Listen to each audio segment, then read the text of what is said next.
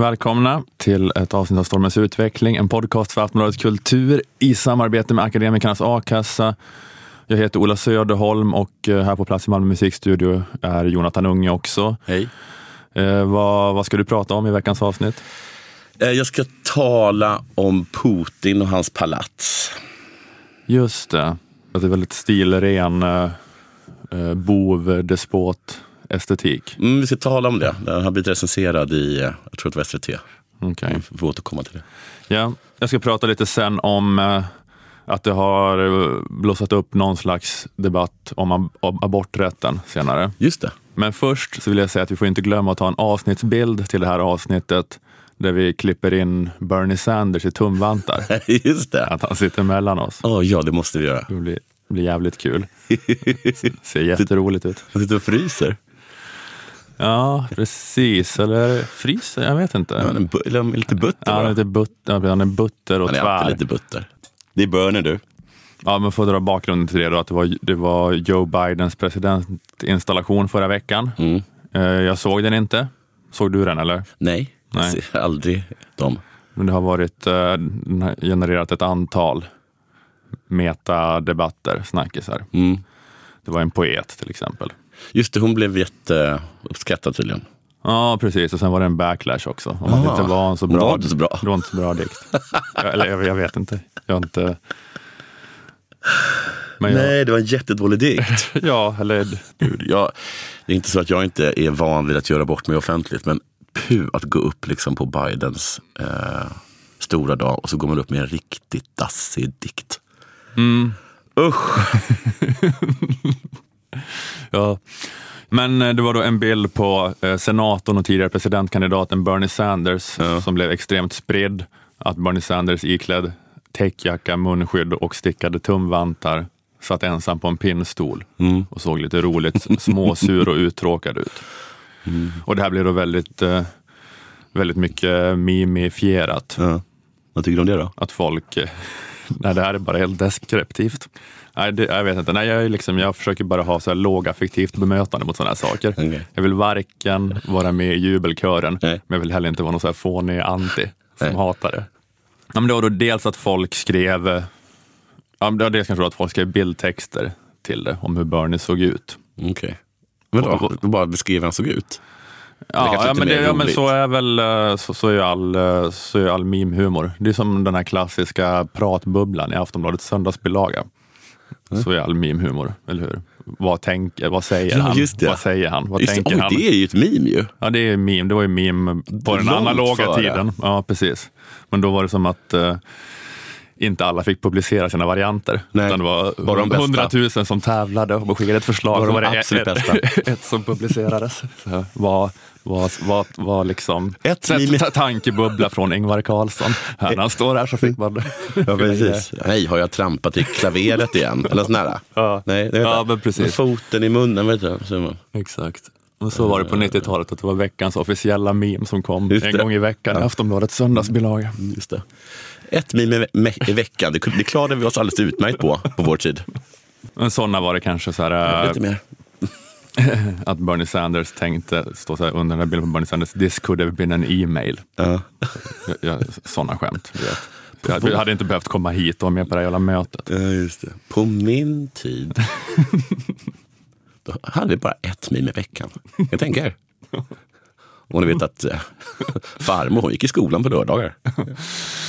Och det var rätt, eh, rätt, rätt torra memes också.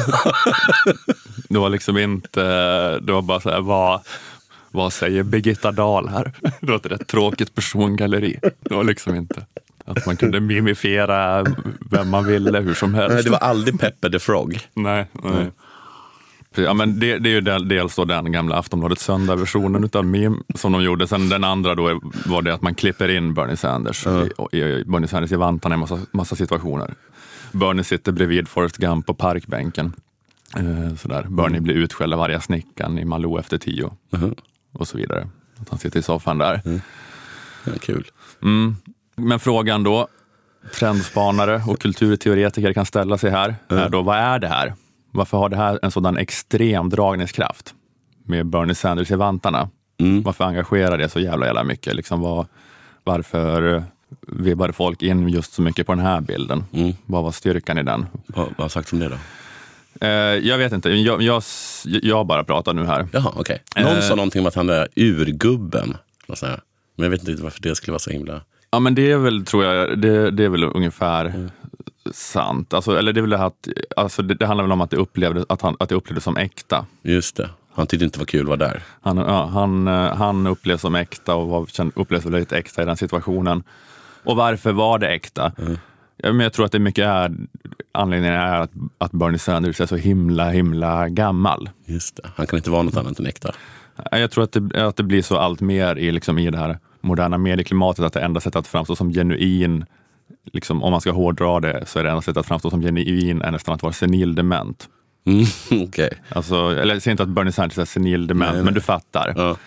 Att han är, han är lite för gammal för att fatta att det är innehåll att han har satt på sig de där vantarna. ja, just det. Just det, just det. Eller möjligtvis är han inte omedveten om det, men han är i alla fall så himla gammal att det är möjligt för oss att tro att han är omedveten om det. Det. Att eh, tro att han på riktigt faktiskt inte är liksom så marinerad i den här sociala mediedrivna offentligheten så att han tänker på varje vaken stund som content och på hur, hur det plays i, ho- hos publiken. Men du tror att han och hans eh, pressekreterare har gått runt på vad heter det? Ja, men, jag, jag vet inte. Men second hand-affärer och, hittat ett par riktigt stora vantar. Liksom. Eh, och liksom slukt planerat allt det Ja. här. Nej, det vet jag inte nödvändigtvis. eh, Men, men, Kanske, kanske att han inte själv gör det, men att det bara plötsligt kommer någon. Han hade på sig ett par ganska, ganska tajta läderhandskar. Mm. Och så precis innan han går på så kommer plötsligt fram någon pressekreterare. Drar på honom ett par jättelika Lovikka-vantar. Ja, Så skulle det kunna vara. Alltså, alltså, oavsett hur det är egentligen så är det i alla fall det är möjligt för breda massor att tro att det är genuint. Det. Med honom i alla fall, för att han är så jävla, jävla uråldrig. Men alltså hade Kamala Harris eller Alexandria Ocasio-Cortez. Eller du vet Justin Trudeau eller Annie Lööf haft på sig stickade tumvantar i någon sån här offentlig ceremonigrej, då hade man ju känt, fy fan jag hatar dig. Jag hatar dig, det är så jävla kokett och självmedvetet och iscensatt. Din jävla orm som har såna här vantar. Du trodde att du kommer bli ett meme? Ja, här, Kan glömma. här är det någon som går och tänker, jag håller på att bli ett meme. Nu tycker de att jag är episk. Sitter, sitter liksom Kamala Harris eller Annie Lööf och tänker på pinnstolen där. Ja, men att det kanske är ett tecken på det att de här tre huvudpretendenterna till USAs presidentpost, då, Trump, Biden och Bernie Sanders, alla var urgamla. För det enda sättet att vara genuin på. Bernie då kanske genom ja, lite mer den här vresiga gammal gubbe-framtoningen. Trump och Biden lite mer genom säger, tilltagande förvirring, Ja. eh, ruttnande hjärnor. Men så är det ju också. Alltså unga är ju inte genuina. Nej, och jag tror att det förstärks liksom i det här läget att det är så här ingen... Ja, men eftersom att alla håller på med det här och iscensätter sig själva offentligt i sociala medier så har vi liksom blivit mycket mer sofistikerade och känsliga inför det också. Alltså alla är på något sätt och vis mediatränade och har en egen public relations strategi. Så att det blir så här, man är väldigt, eh, man vibbar in på det, man så luktar till sig den där eh, inautenticiteten väldigt snabbt. Jag hörde så här rykten om att Boris Johnson innan han ska in på en intervju så liksom eh, stökar han till sin frisyr. Mm. Så något citat från Obamas självbiografi att han höll på att håna David Cameron, att han var så mycket den typiskt eh, utstuderade snobben som eh, har gått då Eton och så vidare och Oxford, men ska, snobben som ska vara casual, att han så här varje gång tog av sig kavajen, kavlade upp armarna, Ja, ja, ja. på slipsen lite grann på Just det. exakt samma sätt. Alltså varje gång. Han hade den där så här perfekta, här sitter jag lite casual på ett möte och lite informell.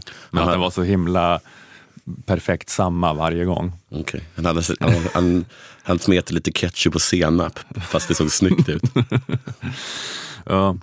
Ja, men att eh, de, eh, ja, precis, att de, har, att de är så gamla, var så gamla alla tre. Att, eh, ja, men jag tror också då, alltså jag tänker, jag tänker så hypotetiskt om att man hade haft de där då, käns- känslorna utav ilska ifall Kamala Harris eller Justin Trudeau sån har haft såna utstuderat stora stickade tumvantar. Och Jag tror om Biden hade haft såna tumvantar, Alltså då hade man kanske mer, då hade man kanske mer så fattat att det var ett kalkylerat move av hans team. Men man hade ju ändå känt att han fortfarande var genuin, Han tyckte de var snygga. även om movet att ha vantarna inte hade varit genuint. Ja, men med att han inte fattat vad som pågick. Så här, så här, du ska ha de här vantarna Joe, för det är episkt och kommer välta sociala medier. Så hade man det. förstått att han var så här, ja, ja, ja, ja, ja. Alltså att han var etablissemangskandidaten, hela projektet Joe Biden är kanske då motsatsen till det genuina. Det är så kalkylerat och beräknat av alla de bästa och, och dyraste PR-strategerna. Men man får ändå någon slags känsla av genuinitet för att man då kan ana att personen de liksom håller på att klär ut och stoppar upp Ja. är senildement. Du känner liksom att det är ett, eh, vad heter det, en rad med män i lustiga hattar som går runt på den politiska ängen och letar efter en eh, Ferdinand. Honom ska vi ha. Vi tar han, han är genuin. Sätter vi på honom ett par vantar. och sen, ja, ja, men jag vet inte, jag, jag tror bara att det liksom, det är, eh, Men att de förr kanske letade efter någon som var ung och snygg. Och nu så eh, är det som att folk har- börjat eh, hata kalkylerande. Och se- ser igenom det. Och därför måste de ha någon som är som, liksom, det går inte att den personen är kalkylerad.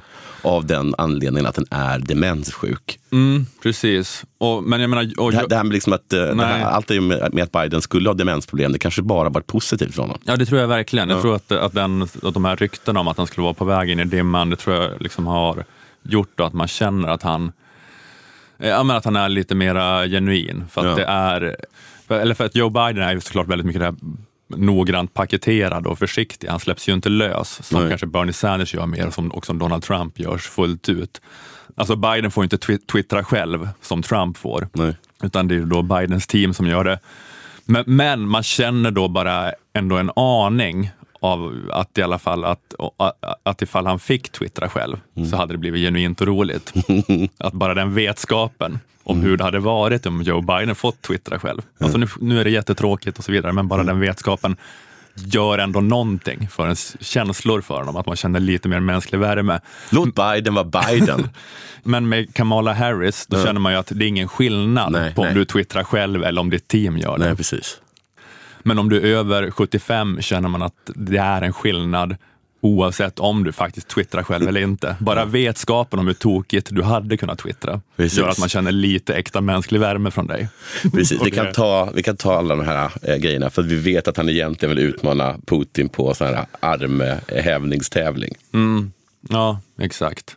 Men, eh, du? men, men en sån här Gamla. 49-årig presidentkandidat har liksom helt internaliserat de här grejerna och tror på dem själv. Ja. Men, eh, ja, exakt. Men man vet bara att det finns något otämt där, liksom, Mm. för att han är då för dimmig för att förstå vilket spel han är med i. Och det är liksom enda sättet. Med tiden kommer det bli svårare och svårare att få tag på sådana.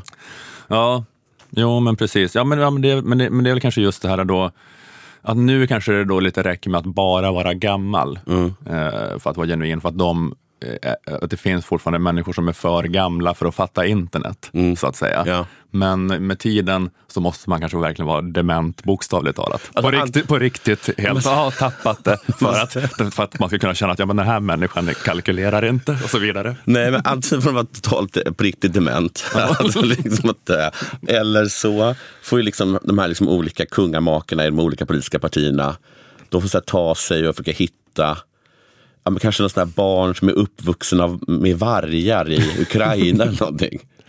Eller Ja. något sånt. De åker till de där öarna du vet, där de mördar en om man sätter sin fot. Snor en sån. Sätter på dem en kostym. Bara, det, här är vår, det här är Demokraternas nästa. Han, man, han skriver jättebra progressiva saker men man vet att han bara vill döda den. Hade, ja, ja, exakt. Det bara... Så här något om vita jävlar. Ja, precis. Man vet att om han skulle få hålla i en presskonferens själv så skulle han liksom bara skjuta med sin pilbåge mot journalisterna. Och att just bara vetskapen om det gör att det känns äkta.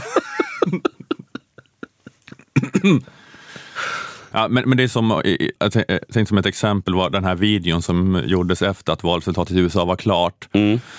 De filmar Kamala Harris när hon står i typ hon har så här, typ så här casual träningskläder ser det ut. Och så ringer hon till Biden. Yo, we did it.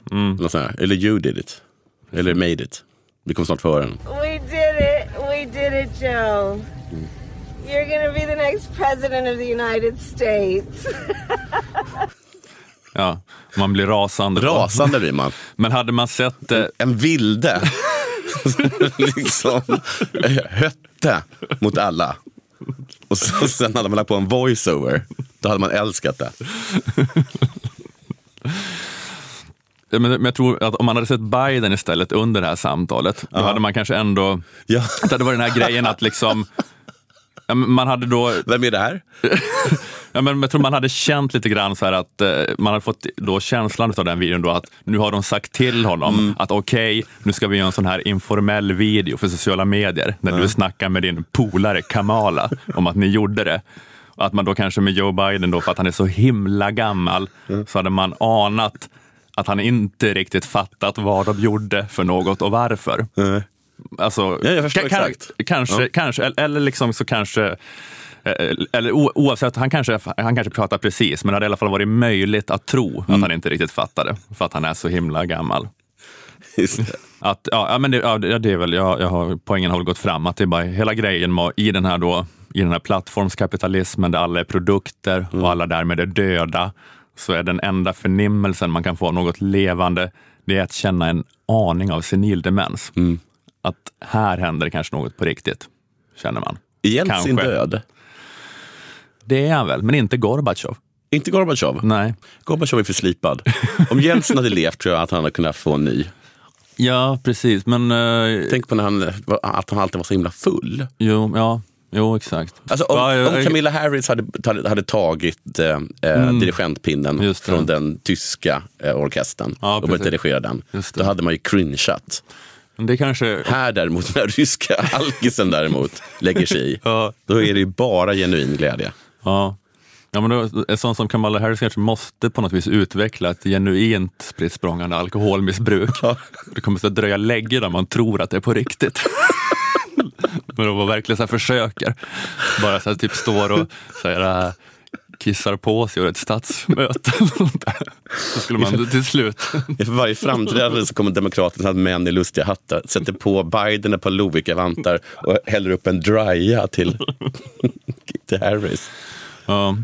Ja, men jag, jag vet inte alltså, jag tänkte, alltså, det är som Göran Persson och Carl Bildt, de är, de är ju yngre än alla de här tre gubbarna i amerikanska presidentvalet. Jaha, ja, just det. det är de. De är, alltså, de är kanske fortfarande för unga. Fortfarande 50 typ. Ja, men de är kanske 70 prick, men säg att, eller 71 eller sånt där. Men kanske valrörelsen 2026, Ja, då, då. kanske S och M skulle plocka in Göran Persson och Carl Bildt igen. Och då kanske de liksom, jag vet inte, att de har precis har blivit så där dimmiga så att eh, Carl Bildt kanske blir lite mild. Ja, jag vet inte.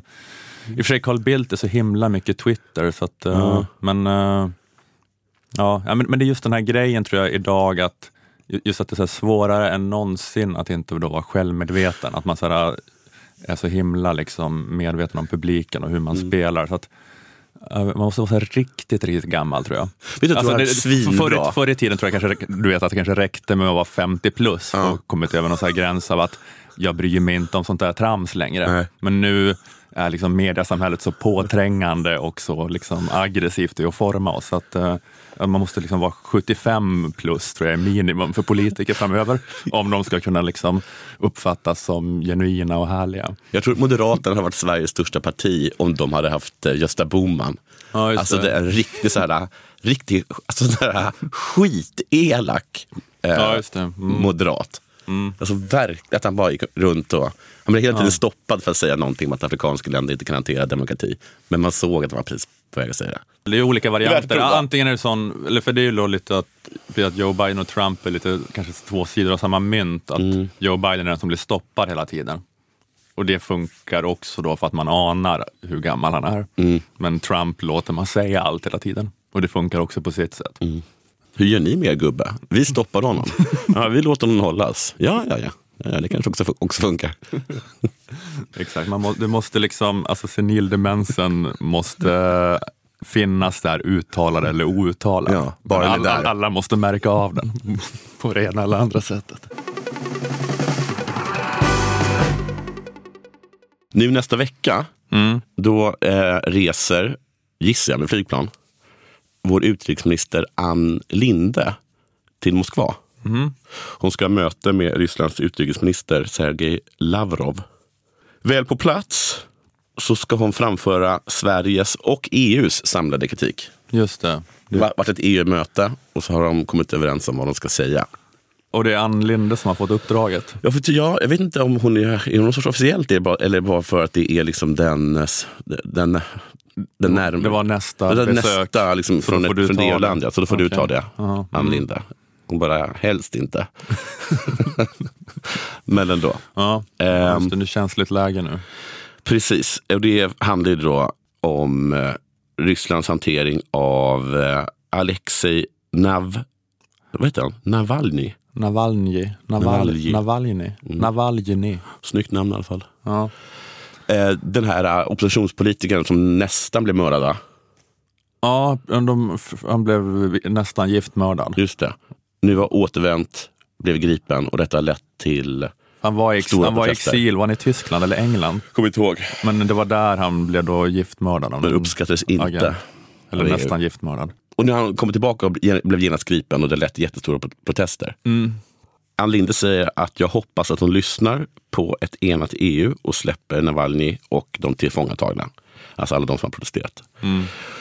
Eh, Att hon hoppas det beror mest på att det här kravet då, eller snarare bönen, att den backas inte upp av något, eh, ja men till exempel sanktioner eller dylikt. Nej. Utan det är verkligen bara en uppmaning. Varför kan man inte göra sanktioner mot Ryssland? Det är, väl, det är, är inte det lite en skitekonomi? Jag tror också att det är en skitekonomi. Alltså, jag fattar det här med Kina, att det är krångligare kanske. Ja, Men ja de blir Ryssland- göra. Men? Ryssland tror jag verkligen inte är ett problem alls. Jag har Nej. typ att eh, Det typ de viss- nordiska länderna är större än Ryssland. Ja, ja, Nord, ja, Norden är, jag tror det så här Skandinavien, liksom, Mm. Sverige, Norge, Danmark är lika stor som Ryssland i Mm. ekonomi. Alltså så att Ryssland är väldigt stort, litet per, per befolkning. Men eh, Om, om Sverige, Norge och, och, Danmark bara slår sig ihop och gör någonting vidrigt så kommer vi kunna undan med mer också. mm, Det är bara att vi är så dumma att agerar, att vi liksom, att vi sänker, eh, att Sverige sänker Estonia. Alla tre borde ha gjort det. Så hade det inte varit ett problem. om vi, ja exakt. Och vi, varför, Vad ska ni göra då? inte Tänk så mycket skit vi håller på att ta från oppositionspolitiker i onödan. Om vi bara gick ihop. Hade vi kunnat giftmörda alla jobbiga gaphalsar. Att EU vågar till inte göra någonting om man är en ekonomi på den här nivån. Hur som helst, Ja. ehm, just det, över 3000 demonstranter har, har, gripits då. Och han jävlas då med eh, Putin på olika sätt. Då. Ett genom att vara så himla kaxig komma dit och starta alla de här grejerna. Men som du säkert då känner till så har då Alexei eh, i förra veckan så delade han ett klipp Mm. som han körde ut på internet på en eh, väldigt luxuös kåk Mm. enligt då SVT här vid Svarta havet i södra Ryssland. Och eh, det här klippet har setts av 100 miljoner typ, ganska mycket. Mm. Och det är på grund av att då Alexei påstår att det här att den tillhör Putin, det här palatset som det är. Mm. Och att det skulle liksom ha byggt, byggts i hemlighet. Påstår, alltså det är inte... Jag tror inte det är bevisat på något sätt. Men jag vet inte om det, hur, hur det ska bevisas att han äger det. Nej, Jag tror att det är lite så att han inte äger någonting och allt. ja just det. Hur som helst så har det varit väldigt viktigt för Putin då att eh, gå ut och förneka att han äger det här palatset. Mm. Han påstår att det absolut inte tillhör honom. Eh, han har ett videosamtal med studenter som han tydligen har då och då. Så fick han den frågan och då skulle han ha sagt att det tillhör varken mig eller någon av mina familjemedlemmar. Mm. Det ska också ha kostat 10 miljarder kronor det här, eh, det här palatset. Mm. Och det här palatset då har blivit väldigt mycket bråk om det och det har liksom eh, hävdats att det kallas för osmakligt. Mm. Bland annat. Eh, Ett för att det är av folk som bara tycker att det, att det är- så mycket, hur kan man bygga så när alla ryssar är så fattiga? Men också har det liksom, eh, så, såklart då, så har det också fått tagit skit för hur det ser ut. Att det är... Ja, inte bara osmakligt att det är väldigt dyrt, Nej. utan att det är osmakligt för att det är. Alltså, Mm. Det hade, om det hade varit dyrare på ett sätt som inte, som inte syns att det är så dyrt, Ja, så just hade det varit det. bättre. Om hans palats varit jättemånga sekelskiftslägenheter i Notting Hill i Det hade varit London. mycket bättre. Det hade varit- det osmakligt på det sättet att inga andra ryssar har det. Nej. Men det hade i alla fall inte varit... eh, Ja. vulgärt. Nej. Men det är lite som att Putin har satt på sig, att han är en person som går runt med en t-shirt som, som det står. Kanske så här något så här Emporio Armani. Någonting sånt. Ja, ja. Och inte minst då så har eh, den här, eh, Putins smak då, eh, hånats av SVTs kulturkritiker Dennis Dahlqvist. Han säger så här.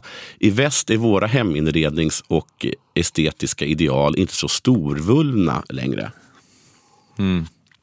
Lite rysofobi. Eh, vi har något som kallas less is more. Gud vad dryg han är. så när Putin bygger så storvulvet och grandios så upplever vi det som vulgärt, säger då Dennis Dahlqvist. eh, Dahlqvist. Till exempel har han byggt en hel nattklubb i vinröd sammet. Med en scen och en strippstång och oavsett vad man tycker om andra typer av estetiska effekter så är nog kvinnoförnedring alltid väldigt vulgärt, säger Dennis eh, Dahlqvist. Han eh, säger också att arkitekturen är ett misstag.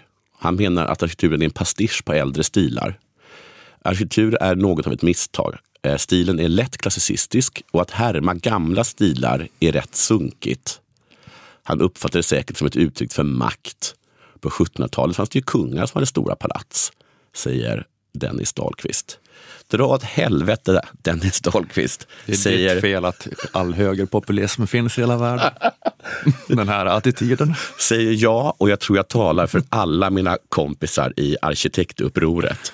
Jag kan tänka mig att kanske de på DN Kultur sitter och snackar skit här, men jag lovar dig att vi på arkitektupproret bara skriver jättepositivt om det här. Det är jättesnyggt ju. Om Putins palats. Ja, det är väl härligt när man bygger i gammal stil. Det är sånt som jag och arkitektupproret älskar. Är det det? Japp. Mm, Okej. Det är det. Om du går in på arkitektupproret så är det bara så här, kolla här har man byggt i en gammal, har man byggt ett en hel stadsdel som ser ut som en fäbod mitt i Falun. Mm, Gud vad snyggt. Okej. Och, och tro, du må tro att det är snyggt. Gud vad det är snyggt med gräs på tak. Ja, ja, ja, precis. Ja, det är i alla fall gam- det inte exakt samma estetik, men det Nej. är gam- gammeldags här. Ja. Sen också saker som, rä, som räknas upp, eh, räknas upp liksom som sjuka. Mm. Saker som då påstås finnas då på det här stället är ett ogenomträngligt staket. Okej. Fy fan vad gött du. Som, alltså, vadå, som en säkerhetsgrej bara? Att det Ja. är- Jag har sett lite bilder på det, det ser ut som en mur. Mhm. En ojämnträning. En hamn, Mm. en kyrka. Mm. Den har en egen gräns till Ryssland för att det är en egen stat. Men, ja, eller du, du hittar på? Eller? Nej! Mhm. Alltså det, det, det är vad som sägs i videon. En egen stat. Din egen stat? Okej. Varför det? Eller? Ja, men du, kanske kan, du kan ju göra saker där som man inte får göra i Ryssland. Ja, Okej, så det är att man, så man kan liksom... Sin, jag kan starta Man kan egen- hålla på och mörda människor där eller något? Det kan man nog göra i Ryssland. Men, men, men jag vet inte exakt vad det är. Vad det nu är man inte kan göra. Ja, Du kan uttala negativt om Boris. Vad, vad är det Putin inte kan göra i Ryssland? Gud, vad sjukt. utropar egen Gud, det måste vara något riktigt vidrigt. Ja, precis. Man tänker att så här, de oligarkgubbarna inte liksom är överdrivet kvävda utav ryska lagstiftningen som de är. Men det här... Måste ändå en egen stat. Om man har en riktig, riktig liten quirk. Ja, Hur som helst. det kommer Under- vara ett roligt citat av vad heter han, Alexej Arshavin som var Rysslands stora fotbollsstjärna för typ tio år sedan. Ja. Men att han, han, han bara spelade liksom i ryska ligan fast han hela tiden var för bra för det. Men, men sen så gick han till Arsenal under en, en period. Ja. Men han kanske trivdes inte så värst bra, det gick inte så bra. Sen återvände han ganska snabbt igen till Sankt Petersburg. Men att han pratade om det som ett problem med att vara att det var så jobbigt med England för där måste man eh, följa lagen även om man är rik. Ja, precis. I Ryssland, om du är rik så ordnar det sig oftast. Ja, att det var liksom bara lättare att andas i Ryssland. ja precis. Underjordisk hockeyrink. Mm. Amfiteater. Vingård. Mm. Underjordisk kanal rätt ut i havet. Ah, ja, det är fint. Fy fan vad ballt. det är verkligen liksom, det är verkligen alltså, den bästa mancaven i världshistorien. De har ett kasino. till exempel. Det är helt fantastiskt. Det där. Speciellt den här underjordiska kanalen rätt ut i havet. Mm. Helt fantastiskt. Saker som inte nämns, men som jag tror finns. Gym. Mm. Jag är nästan 100% säker på att det finns. Det kan man anta, ja. Vad mer tror jag finns? Jag tror det finns en dojo. Vad, är det nu igen? Ja, det är liksom där man övar, eh, ja, typ som eh, karate och sånt. Håller inte han på med Ja, judo? det. han är judo, svart bälte i judo va? Ja. Du kan ju inte, du kan inte intala mig att han inte skulle ha en dojo där. Nej. Jag tror han har ett stall. Mm. Jag tror han har ett zoo. Han älskar ju djur. Mhm. Att han har några björnar inhägnade där kanske. Och tigrar. Och tigrar. Mm. Jag tror han har en skjutbana. Tror du inte det? Jo, ja, men jag tror det. Jag tror det. Saker jag hoppas finns. Flygsimulator. Ja. Alltså en sån här riktig. Som eh, man har på pilotutbildningen. Ja. Läskautomat. Varför skulle han ha automat? Det räcker ju inte ha en kyl med läsk. Eller? Åh, gud. jag, jag fattar inte. Du tänker som Dennis Dahlqvist. Han har en sån här riktigt så här stor automat som fanns i korridorerna ibland på skolan om man har tur. Mm. Eller på flygplatser. Jag tror han har så här eh, Dungeons and Dra- Dragon-rum. Eh, vad, Ett rum med, eh, där man spelar rollspel? Eller? Ja, Men hur är ett sånt rum? Är det att man har massa det är ganska vulgärt faktiskt. Okej. Där har Dennis Dahlqvist rätt. Det är nog det rummet jag tror att Putin är allra gladast att ingen såg. Nej. Okej. Sen tycker jag också att det finns något sorgligt med att vara Putin, uh, ha det där stället men inte kunna erkänna att man har det. Ja, precis. Ja, vad handlar det om? Liksom? Eller varför... För det var ju lite så här påfallande hur lite han brydde sig om hur det såg ut med att gripa Navalny. Ja, Att man hade tänkt då att Navalny kanske skulle kunna vara lite skyddad av att han är så känd och att det är så mycket publicitet. Mm. Men de bara, skitsamma hur det här ser ut. Vi bara nyper honom direkt. ja. Men här, Han bara ja, han. är väldigt stingslig kring det här. Då. Ja. Ja, jag vet inte. Ja, det är sådana som, eh, såna som Dennis Dahlqvist som säger att han är vulgär då. Att det är jobbigt. ja, kanske det. Jag vet inte. Det är sorgligt på något sätt att ha leksaker när man inte får berätta om dem. Avslutningsvis Mm. Så vill jag säga två saker. Det här med att toalettborstarna kostar 7000 kronor. Gjorde de det? Ja, tydligen. Mhm. De ska kanske vara i guld eller någonting. Mm. Ehm, det är lätt hänt. säger jag. När man kommer upp i en viss nivå Ja. så även, även små saker får löjliga priser. Det blir så. Att det är, menar, det är ingenting att bli upprörd över. Nej, men det, alltså, det hade varit liksom konstigt nästan om man var där och sen var det en bild över det här liksom badrummet i, i diamant. Mm. Just det. Och så var det liksom Ica Basic. Ica Basic eller liksom, ja precis, Rusta. Mm. Men, Så det är nästan töntigt att ta upp det tycker jag. Ja, det blir det självklart blir det så. alltså, ingen grej kan vara... Att man hamnar i ett sånt läge då ingen grej i hela huset kan vara en så här plastgrej för 1990. Nej. Alltså det är helt omöjligt då. Så att, eh, Det blir lite fånigt. alltså, ja, det blir lite fånigt att klaga på. Om allt är i guld, då är ju allt i guld. Så vad, tror ni att det ska kosta? Ja, till och med, till och med toalettborsten är guld. Ja, vi sa ju det. Vi sa att allt var jag där. Det är liksom inte att man är uh, vulgär eller skamlös. Nej, utan alltså det var det- ju, det var ju grej, grejen var ju att allt skulle vara i guld. Så att, eh, ja. Eh, det- Jag avslutar med sista. Mm.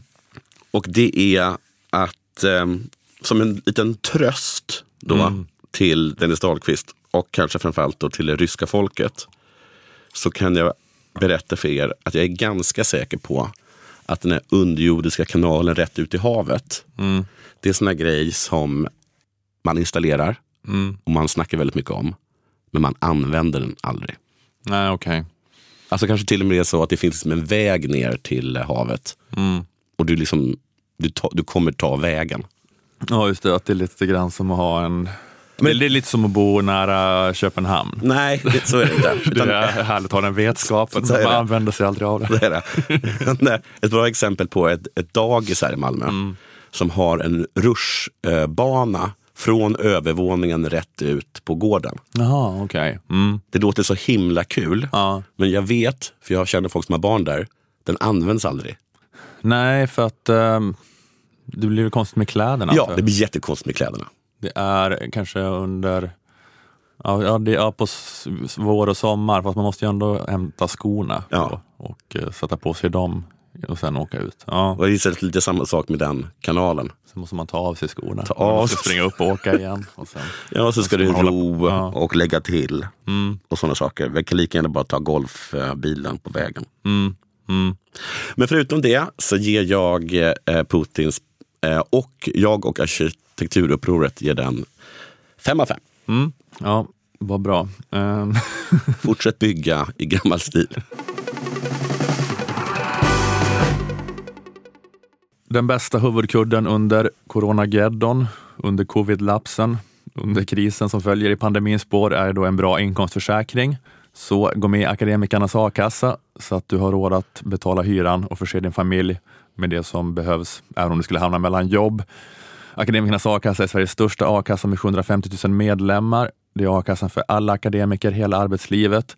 För oavsett om du byter jobb så kommer du alltid vara akademiker. Alla som har avslutat sina studier och tagit minst 150 poäng har rätt att vara med. Och du kan även gå med under studietiden om du går en utbildning där du är på väg mot att ta 180 poäng. Och de generösare ersättningsnivåerna som infördes i samband med pandemin kommer efter ett riksdagsbeslut den 16 december att fortsätta gälla 2021 och 2022. Det innebär alltså att du kan få upp till 80 procent av 33 000 kronor i månaden. Eh, 26 400 kronor i månaden vid arbetslöshet alltså. Eh, de ändrade reglerna i arbetsvillkoret är också kvar. Det räcker med att du har arbetat 60 timmar per månad under sex av kvalifikationstidens 12 månader för att få ut grundersättningen. Så gå med om du inte har gjort det. Det kostar endast 140 kronor i månaden.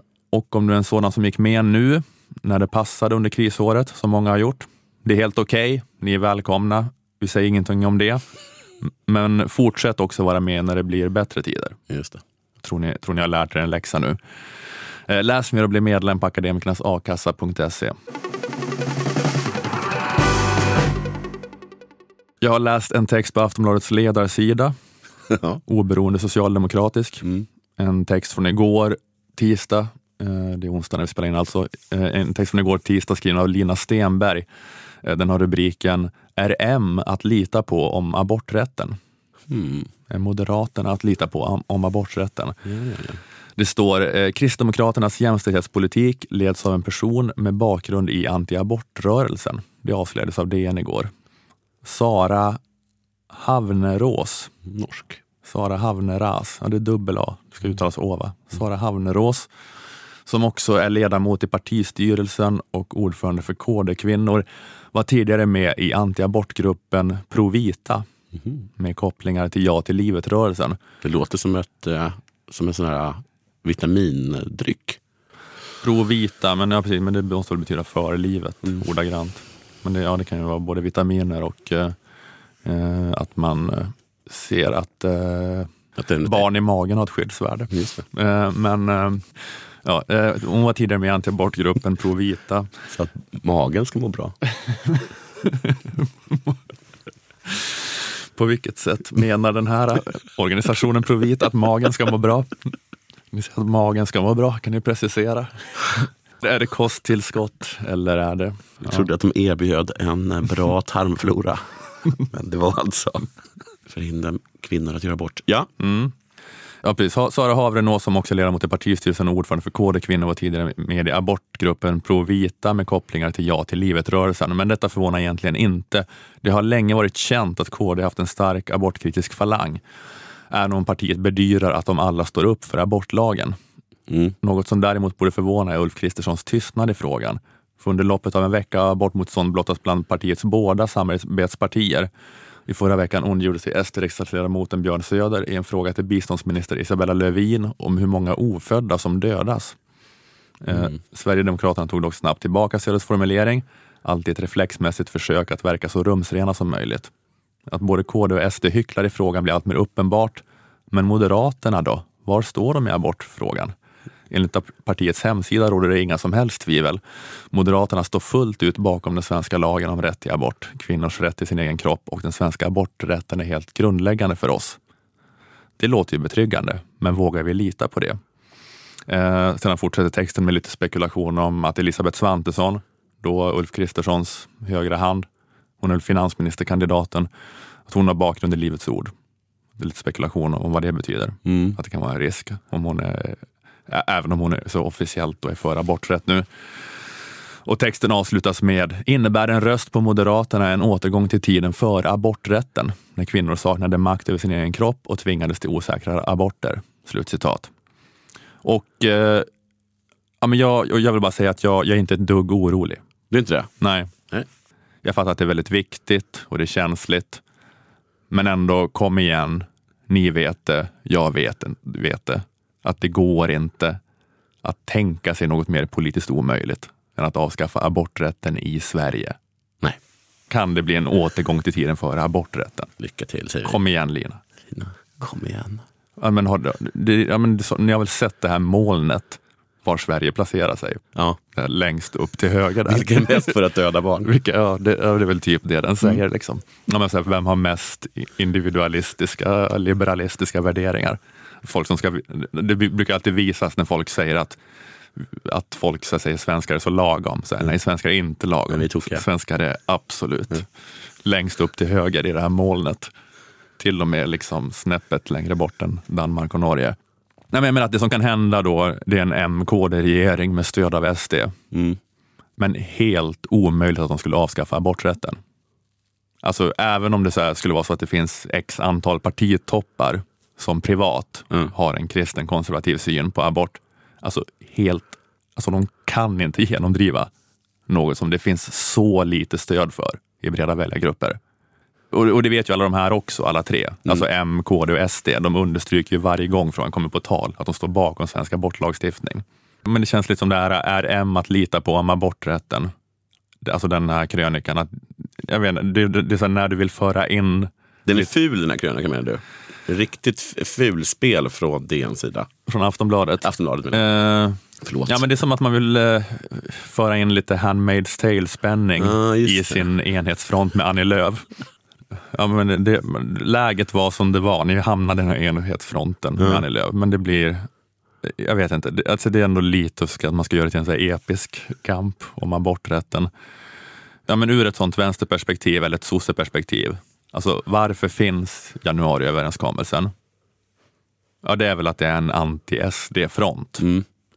Eh, och det är ju då också kanske givet hur situationen i riksdagen såg ut, att det är lite svårt att veta, alltså vad skulle sossarna gjort exakt annars än göken? Alltså om de till varje, varje pris ville ha makt, och det ville de. Eh, alltså för det finns ju direkt inte någon vänstermajoritet i riksdagen. Det är typ så här 60-40 höger fördel, om man alltså räknar S, MP och V som vänsterpartierna. Men då är det i alla fall så att januariöverenskommelsen gör att det blir snäppet svårare för sossarna att ha en eh, kraftfull vänsterpolitisk retorik gentemot Moderaterna. Mm. Eftersom att de själva regerar med stöd då utav Timbros politiska gren Centerpartiet. Så det blir i alla fall svår, lite svårare då med den typen av storvulen ekonomisk vänsterpolitisk retorik. Så då blir det aborträtt istället. Ja, men då blir det mer tonvikt på det här med anti-SD-fronten som rättfärdigande och USP för vad man håller på med. Att det, liksom, det är vi som tar ställning mot SD i kulturkriget. Det är vi som gör det och det är inte Moderaterna som gör det. Men sossarna vill då inte prata om invandringsfrågan som skiljelinjen gentemot Moderaterna. För där vill man framstå som lika strikta som högersidan. Och samma med kriminalpolitiken. Alltså, så då måste man liksom hitta något annat som utgör gränsen mot det bruna träsket. Mm. Och då, ja, jag, vet, inte, jag måste bara säga då att abortfrågan, det känns jävligt krystat. Alltså, alltså om man skulle vilja så varna för att det skulle kunna bli någon slags ungersk eller polsk antiliberal utveckling på grund av en SD-stödd regering, så tror jag att den delen av sådan utveckling, det är den som är minst sannolik i Sverige. Mm. Det är hotet mot aborträtten. Alltså, då är det väl kanske snarare att det har mer rimligt att varna för så här SDRS, du vet, deras inställning till journalister och särskilt public service eller att de har så här, deras inställning till byråkratin, att de kanske kan vara ett hot, att de så vill hota tjänstemännens självständighet eller sånt där. Mm. Alltså om man ska göra sådana Ungern-Polen-varningar. Alltså jag tror även där finns det förmodligen mycket mera alltså, gediget motstånd mot det i Sverige än i Ungern och Polen och så här, tradition som gör att det är svårare. Men, men de grejerna kanske är något som så ST själva vill göra mer om de fick bestämma helt och hållet. Om de kunde bestämma helt och hållet. Alltså jävlas med public service, och jävlas med tjänstemännen.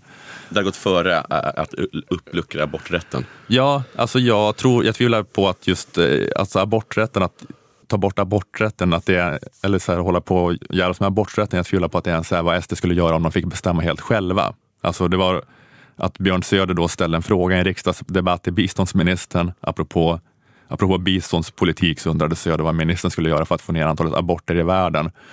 Oh, gud, är, det, är det den personens ansvar?